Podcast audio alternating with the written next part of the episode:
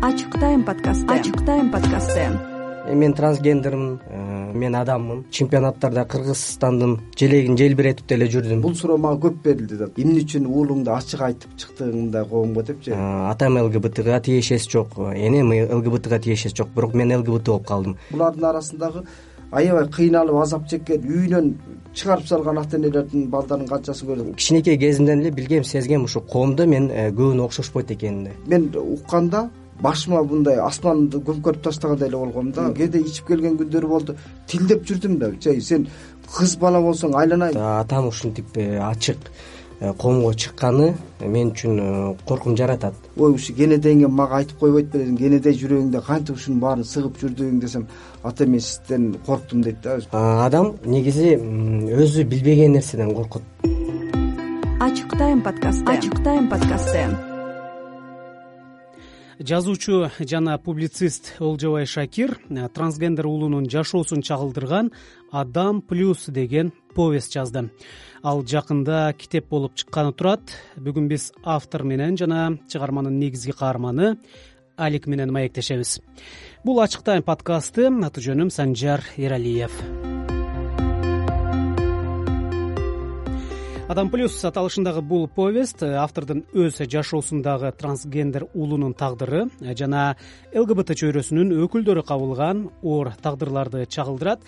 Бул эмгек ушул темада жазылган кыргыз адабиятындагы алгачкы көркөм чыгарма.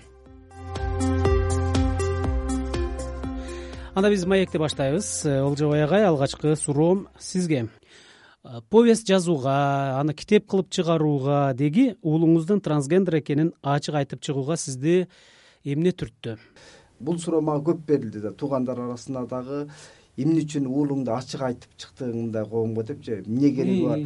Ал эмес аликке айткандар болуптур сенин атаң өзүн пиар кылыш үчүн ушуну кылып атат депчи абдан таң калдым да мындай коомдогу бул мен көп маселелерди булардыкы менен аралашып көргөндөн кийинчи эмне үчүн ачык чыгууга мен тобокел салган жокмун. Мен деле ийнимде эки башым жок да бирөө башыңды алышы мүмкүн тилиңди кесем деши мүмкүн.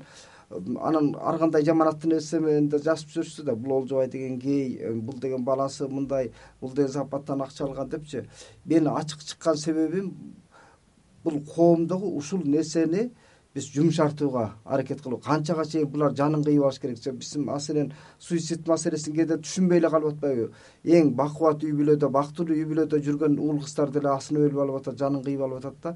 Мүмкүн ошого ата энелерден мугалимдер тараптан туура эмес мамиле болуп калат да. Э, анан булардын арасындагы аябай кыйналып азап чеккен үйүнөн чыгарып салган ата энелердин балдарын канчасын көрдүк моулардан күрөө тамырдан тамтык калган эмес да жанын кыюуга аракет кылган өзүн өзү кескилеген тырый болуп жүрөт. Анан түбү эле кучактап алып кучактап алып ыйлайт да кээсечи мен ата энем ушинтип кабыл албай жүрөт айта албай жүрөм аны себеби бой жеткен сайын ай кызым сен турмушка чыкпайсыңбы? дейт. Анан ага дайыма психологиялык моралдык жактан оор да же болбосо баласы отуз кыркка жетип калса качан келиндин колунан чай ичесиз дегендин баары кумсалар үчүн э, абдан чочура мындай өздөрү кабыл ала албайт да. Ата энеси алар дискомфорт болот ата эненин алдындачы эмне үчүн ушул жашка келип үйлөнбөйсүң аны муну дегенчи биз анан ушуларды коомдо жектеп э, аткандан улам буларга болгон түшүнүктү калыптандыруу үчүн могу повестти жаздым да себеби адам э, жашоомдогу драманы ошол элге жеткиргеним көбүрөөк таасир этеби дедим себеби публицистикалык макала менен чектелип койгондо дагы ал бир эл баарын толук чечиптенеп бере албайсың да психологиялык жагдайларынчы коом кандай кабыл алат деген э, чочулоо болгон жокпу? Эмнелерге даярсыз деги? Мен баарына даярмын бул жагынанчы баягы рухий жоопкерчилик себеби адам башынан эң оор тагдырды көтөргөн көргөсүн көтөрүп өткөндөн кийинчи бул нерсе артыңда калган нерсе жеңил болуп калат экен да. Мен жазып атканда чочулоом болгон жок. Ал эмес алик да чочулады менденчи ата китеп чыккандан кийин бир ар кандай резонанстар болушу мүмкүн аны муну депчи эми адабият же сүрөткер ал миссияны аткарбаса ким аткарат? Кетме чаап жүргөн кишиби же мал кайтарып жүргөн кишиби же базарда отурган кишиби бул адабияттын миссиясы да. Адабияттын бирден бир искусствонун адабияттын э, көркөм өнөрдүн бир артыкчылыгы коомдун бир көзүн ачуу да адамзат тарыхында сүрөтчүлөр илимпоздор тарыхчыларды жаратмандарды бир албетте коом жектеп келген. Э, себеби жан жак руссонун тагдырында деле же болбосо ден дидронун китептерин өрттөшүп далай саясий куугунтукка кабылган ошол эле омар хаямдыкы делечи. Керек болсо кээде мен ушул чыгарманы жазып атканда дагы эксперттер аркылуу түшүндүм. Кээ бир жерлерден автордук мен сабатсыздыгымдычы. Себеби терминди колдонууга келгенде мындай дискриминация кыла турган жагдайлар болуп калат да. Мен демек мен деле жеткиликтүү деңгээлде бул маселени түшүнбөйм да. Э, мен окурманга жеткирейин дегеним мен момундай кенедейинен баламдын чоңоюп өскөндөгү процесстерин эле чагылдырууга аракет кылдым да. Ошондогу дагы баягы айрым гана учурлардычы кээ бир учурлар болду таптакыр эле мындай өзүңдү өзүң жеп койгон күндөрчү терминдерди колдонуудагы катачылыктар жөнүндө сүйлөдүңүз. Э, азыр жаныбызда уулуңуз алик да отурат э, алик мен алдын ала айтып коеюн чынында лгбт коомчулугуна байланышкан терминдерди колдонууда мен ката кетиришим мүмкүн балким коомдогу стереотиптик ойлордун жетегинен улам айтайын деген сөзүмдү туура эмес жеткирип алышым да ыктымал. Ошондуктан алдын ала кечирим сурайм. Эгер терминдерди туура эмес колдонсом. Жок тескерисинче журналист менен респонденттин ортосунда ошондой нерсени түз эфир аркылуу деле түзөп кетүүгө аракет кылган жакса себеби бул сенин катачылыгың эмес да. Себеби биз коом буга эми келип атабыз да мындай түшүнүктөргөчү. Анан журналисттер кесиптештер арасында мындайга осол мамиле кылгандар көп болуп калып атат да. Осол мамиле кылгысы келбейт бирок байкоосунан чыгып кетет да. Маселен мен деле ошо уулум трансгендер болгону менен кээ бир нерсени мен да байкабай уулум айтып алышы мүмкүн да. А бирок менин балам ал жагына көп жагынан көзүмдү ачты да. Эми суроом э, уулуңузга э, алик сиз э, бул дүйнөгө биологиялык жактан кыз болуп төрөлгөнсүз бирок дайыма өзүңүздү эркек сезгенсиз чыгарма сиз тууралуу жазылган китеп чыккандан соң аны көпчүлүк окуйт китептин чыкканы сонун мага чыгарма жакты ал тургай өзбек тилине котордум ошентсе да кыргыз коомунда лгбт коомчулугуна агрессивдүү маанай бар экенин билесиз. Мени ушул жагы чынында тынчсыздандырып турат. Э, бул теманы түшүнүү менен кабыл алган толеранттуу катмар аз менимче. Сезимдериңиз кандай азыр? Эми чочулоолор болду. Бар дагы эле. Эмне боюнча. Биринчиден эми кайсыл эле бала өзүнүн ата энеси үчүн коркпосун жашоосу үчүн. Албетте менин атам ушинтип э, ачык э, коомго чыкканы мен үчүн э, коркунуч жаратат. Эми кайсыл эле эми бала өзүнүн сүйгөн ата энесине коркпосун жашоосундачы ошол эң биринчи коркунуч анан экинчиси бул коомдо агрессия жаратчу убакыттар ошолор мени коркутат да. Коомдо э, бул китеп аябай э, трансгендер адамдардын э, ата энелери кабыл албайткан жана жакын адамдары ошолор үчүн чоң мындай айтканда жардам болот деп ойлойм кабыл алууга. Анткени эми адамдын жашоосу өзү назик аябай ошон үчүн э, трансгендер адамдарды коомдо ушул китеп менен э, абдан чоң поддержка болот деп ойлойм. Анткени биз могу бергенге аракет кылдым. Ата энелер көп учурда балдары менен бир достук көпүрө кура албаганычы мен деле балдарымды кенедейинен мындай аябай ымандай сырыбызды төгүшүп эле чоңойгондой болгонмун бирок ошентсе деле балдарымды канчалык эркин чоңойтом дегенде деле биздики баягы же улуттук бир генибиздеби же кандай экенин түшүнбөйм да ушугачы кийин бул уулумду да айттым да ой ушу кенедейиңе мага айтып койбойт белең кенедей жүрөгүңдө кантип ушунун баарын сыгып жүрдүң десем ата мен сизден корктум дейт да өзүңүздүн чөйрөңүздөн атты баштуу болуп жүрсөңүз анан бир жаман аттыга калат деп сиздин эмеңизден чочуладым дейт да анан адамдын эң азабы аң сезимдүү түрдө баягы жек көрүү сезимди жаратканга мамилеси да маселен алик менен кийин сүйлөшүп экөөбүз сырдашканда айтып атпайбы ата мен ошонун баарын аң сезимдүү кылдым дейт да сиз мени үйдөн кубалап чыкканга жеткирейин дедим депчи мунун баары мага оор болду убагындачы. А себеби бул жерде драматизм да мындай айтканда кээде шекспирдин трагедиясындагы спектакльдерден көрөсүң да а бирок ошол турмушта анын артында эмне катылып жатканын ошол конфликттин артында эмне катылып жатканын кийин түшүнгөнүң ушунчалык оор да. Баягы убагында балаң кечке эле кээде ичип келген күндөрү болду.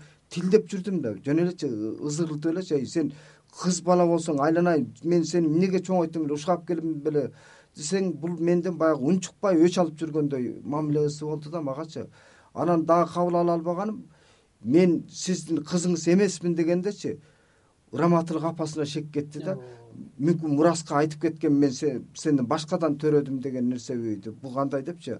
А көрсө анын артында катылып жаткан толтура өзүнүн ички маселеси бар экен да. Анан биз көп учурда түз мааниде кабыл алабыз да. Балдардын кыйытканын же болбосо биз эгер мен кыракы ата болсом эртерээк эле байкамакмын да. Мурда баягы чачын кырктырганы жүргөн манералары же болбосо кийим тандоого келгенде конфликттерден мен эгер ушундан түшүнүгүм болсо мен мамилени жумшартмакмын да талабымды жумшартмакмын бугачы. Жана китептин чыгарманын негизги бөлүгү психологиялык оор учурлар сүрөттөлгөн эмеспи? Э. дээрлик сексен пайызы ушул сизге ачылганга чейинки учуру болуп атат э китептин. Азыр кандай? Азыр кудайга шүгүр азыр. Азыр мындан биздин үйдө эң маанай ачык жүргөн баарыбыздан баягы үйдө ар ким кабак кашып болот да. Аликтен андайды көрбөйсүң да. Себеби а мурда үйдөгү эң катаал мүнөз ушунуку болчу да. Баарыбыз мунун көзүнүн агы менен айланып жөн эле мен муну алдап салайм сен үйдүн королевасысың антип мынтесиң депчи анын нерсеңен соорото албайсың да. Кандай э, көзүнүн агы менен айланба мунун мүнөзү баарыбызга мындай ыштык болуп калган да. Тиги келинчегиме деле балдарга деле баягы мурдун учу менен бир тип кылт эткен нерседен эле болду комнатасы мекинип алат кирсең эмне киресиңер дейт. Бир анан ошонун баары сени мындай чайнайт да жөн эле жүрөгүңдү таарыйт. Эмне мынтип бергисиз эле өзүнө өзү кулпланып алды депчи. Чыгармаңызда алик э, сизди психотерапевтке алып барат. Ал дарыгер сизге балаңыз трансгендер экенин айтат. Адашпасам ал улгайып калган дарыгер аял демек кыргызстанда лгбт коомчулугу жөнүндө элге жетиштүү информация бере ала турган адистер бар турбайбы албетте кыргызстанда дагы көп эле бизде адистер бар. Ошо психотерапевт психолог катары юристтер. Э, биле бизге алар керек. Алар деле мындай айтканда жөндөн жөн эле пайда болуп калган эмес.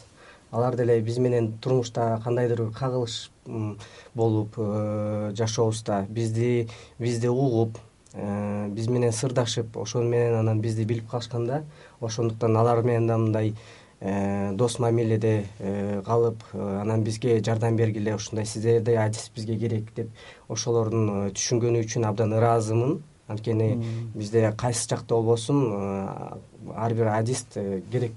Тиги эң кызыгы ошо попо сен бергенине суроону мен китепти бир нече адамга окуттум да ар кандай көз караштагычы баягы өтө ультра улутчул дагы өтө динчил чөйрөдө баары эле мындай неме кабыл алган жок окугандан кийин түшүнгөнчү ал эми поповага келсек мен ушул кишиге жолуккандан кийин абдан таң калдым да мындай жеңилдей түштүм. Ийни менен бирөө жүктү алып койгондой элечи себеби адистин сөзү канча ошол жетимиш жылдага таяп калган киши баягы кырк жылдай тегерегинде ошондо иштеп тур анан бул совет мезгилинде бар болчу бирок андай жашыруун эле деп антип мынтип анан баягы үстүмдө жүк жеңилдей түшкөнү а демек мен жалгыз эмес турбаймынбы кыргызстанда коомдо деги бул болуп келген турбайбы? деген нерсе болду да өзүмдөчү болбосо жаңыдан мен укканда башыма мындай асманды көмкөрүп таштагандай эле болгом да кыргызстанда мен эле бардайчы анан кийин булардын чөйрөсүнө барып аралашкандан кийин башка балдарды көрөсүң кыздарды көрөсүң жаштарды көргөндөн кийин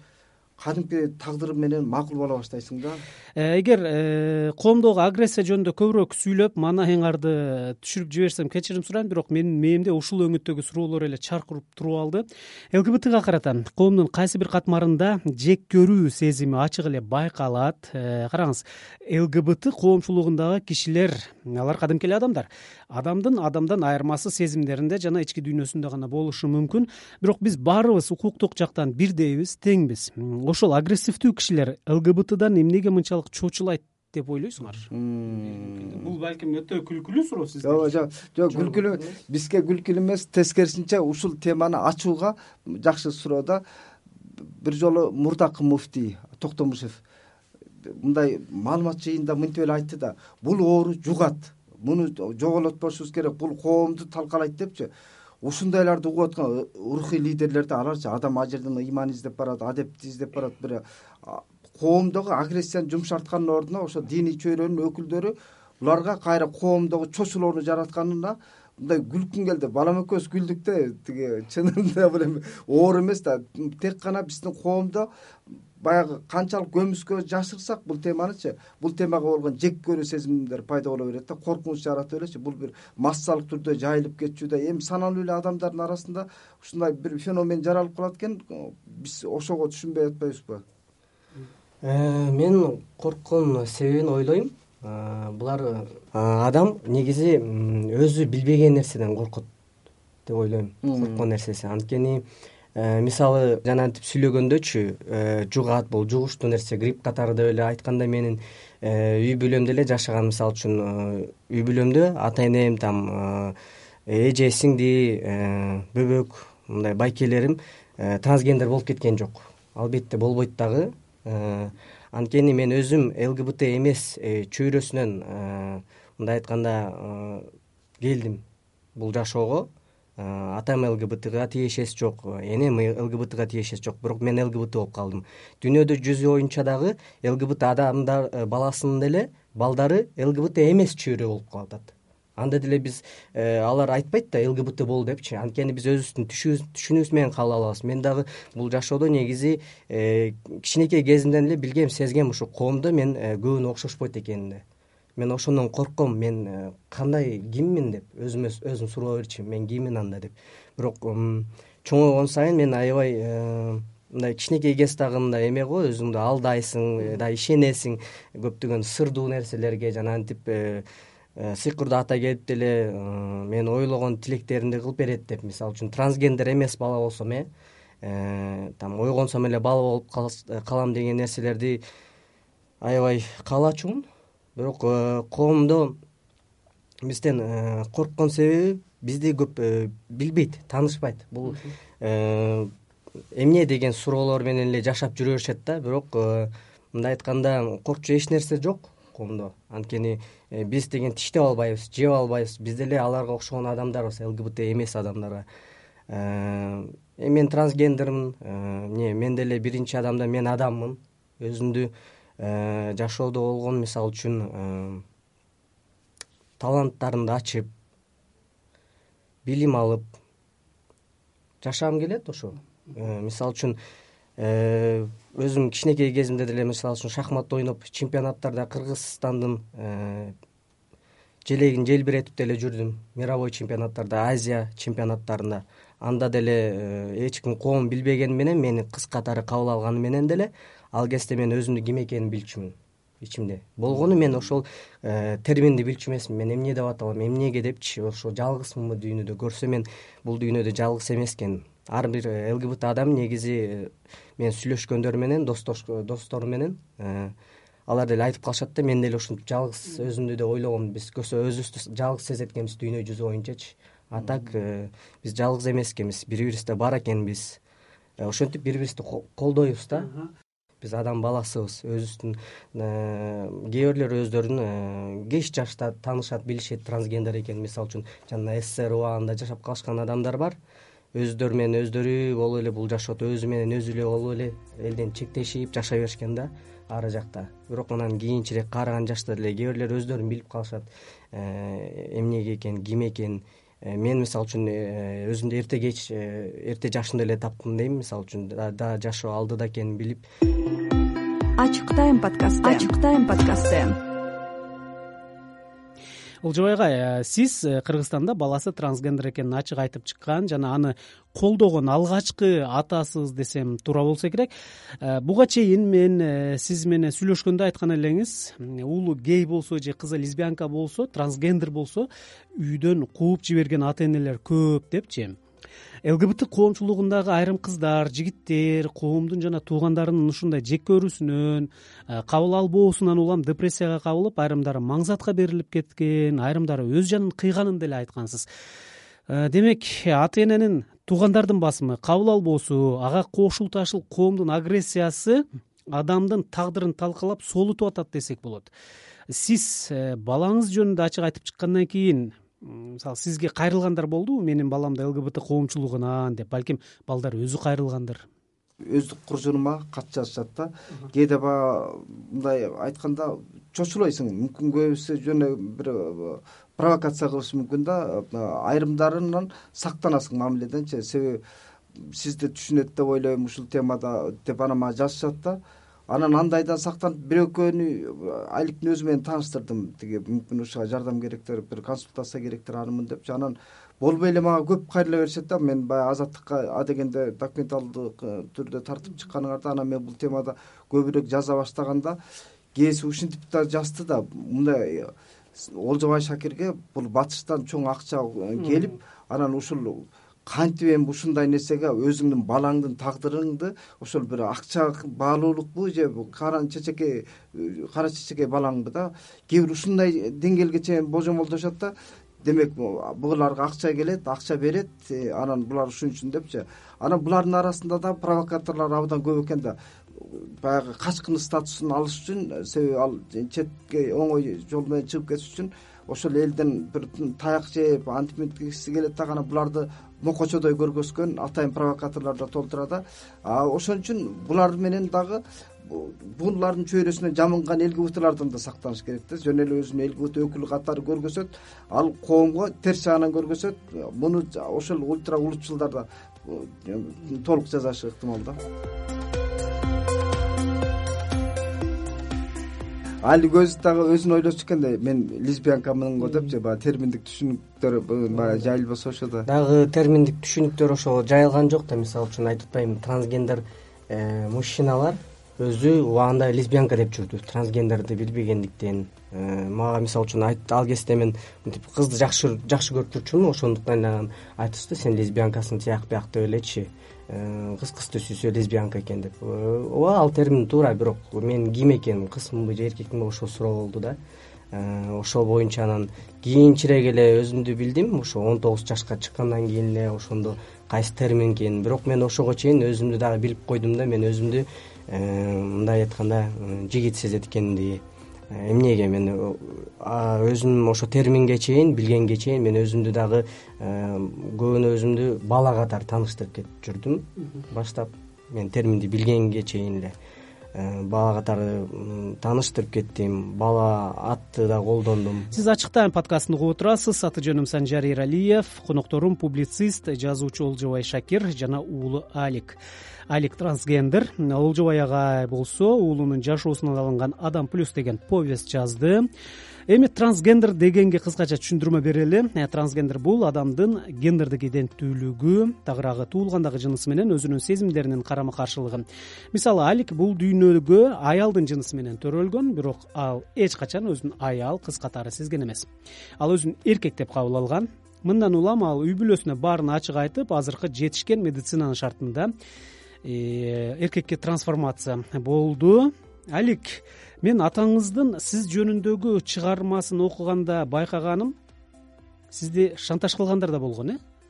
Токмоктошкон. Албетте таяк да жеп келди мисалы үчүн бир э, сотрясение алып э, лгбт клубка барып эс алайын десек анан баардык эле клубтарда жүрө бербейсиң да өзүңдү эркин сезип досторуң тияк бияк жанында өзү адамдарың менен анан ошо лгбт клуб э, клубда жүрүп анан барсам эле чыксам эле ошо кайтарып турушкан болуптур мындай э, спортсмен балдар фанатиктер. Э, анан карап турсам бизди аябай мындай эме сезет экен өзүнүн айтканы боюнчачы жашоодо биз аябай мындай айтканда шайтан экенбиз тиги бул ушул сөздөрүн айтып кетти деп сөгүп да кетти.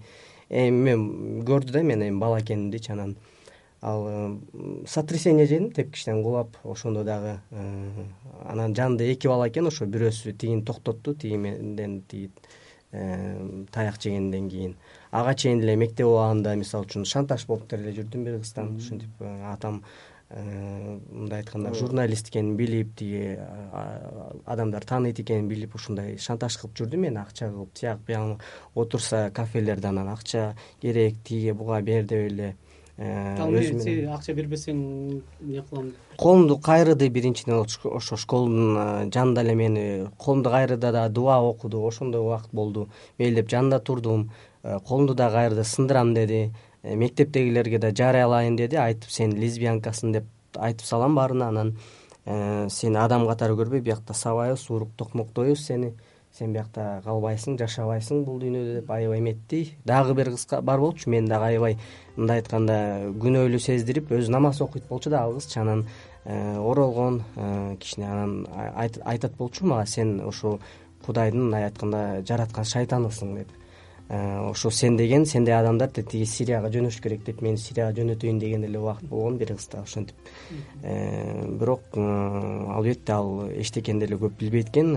Аман эсен калдым. Ошол убакта как раз мени жөнөтөйүн тиги бул сен деген сирияда барып өзүңдүн жаныңды берип ошол жактагы ислам динине кирбеген адамдарды өлтүргөнүң оң ошол сооп болот кудайга деп мени ошентип сөздөр менен айтты да.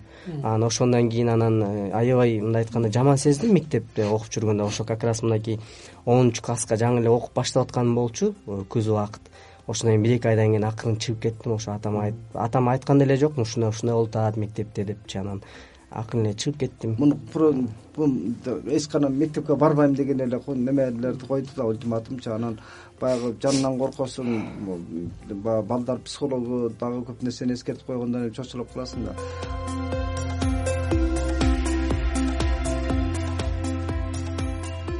бул ачык тайм подкасты болду. Бүгүн биз жазуучу жана публицист олжобай шакирдин жаңы чыгармасы. Адам плюс повести жөнүндө сүйлөштүк. Студияда чыгарманын каарманы алик да болуп лгбт коомчулугу жана аларга карата мамиле жөнүндө сүйлөп берди. Менин аты жөнүм санжар эралиев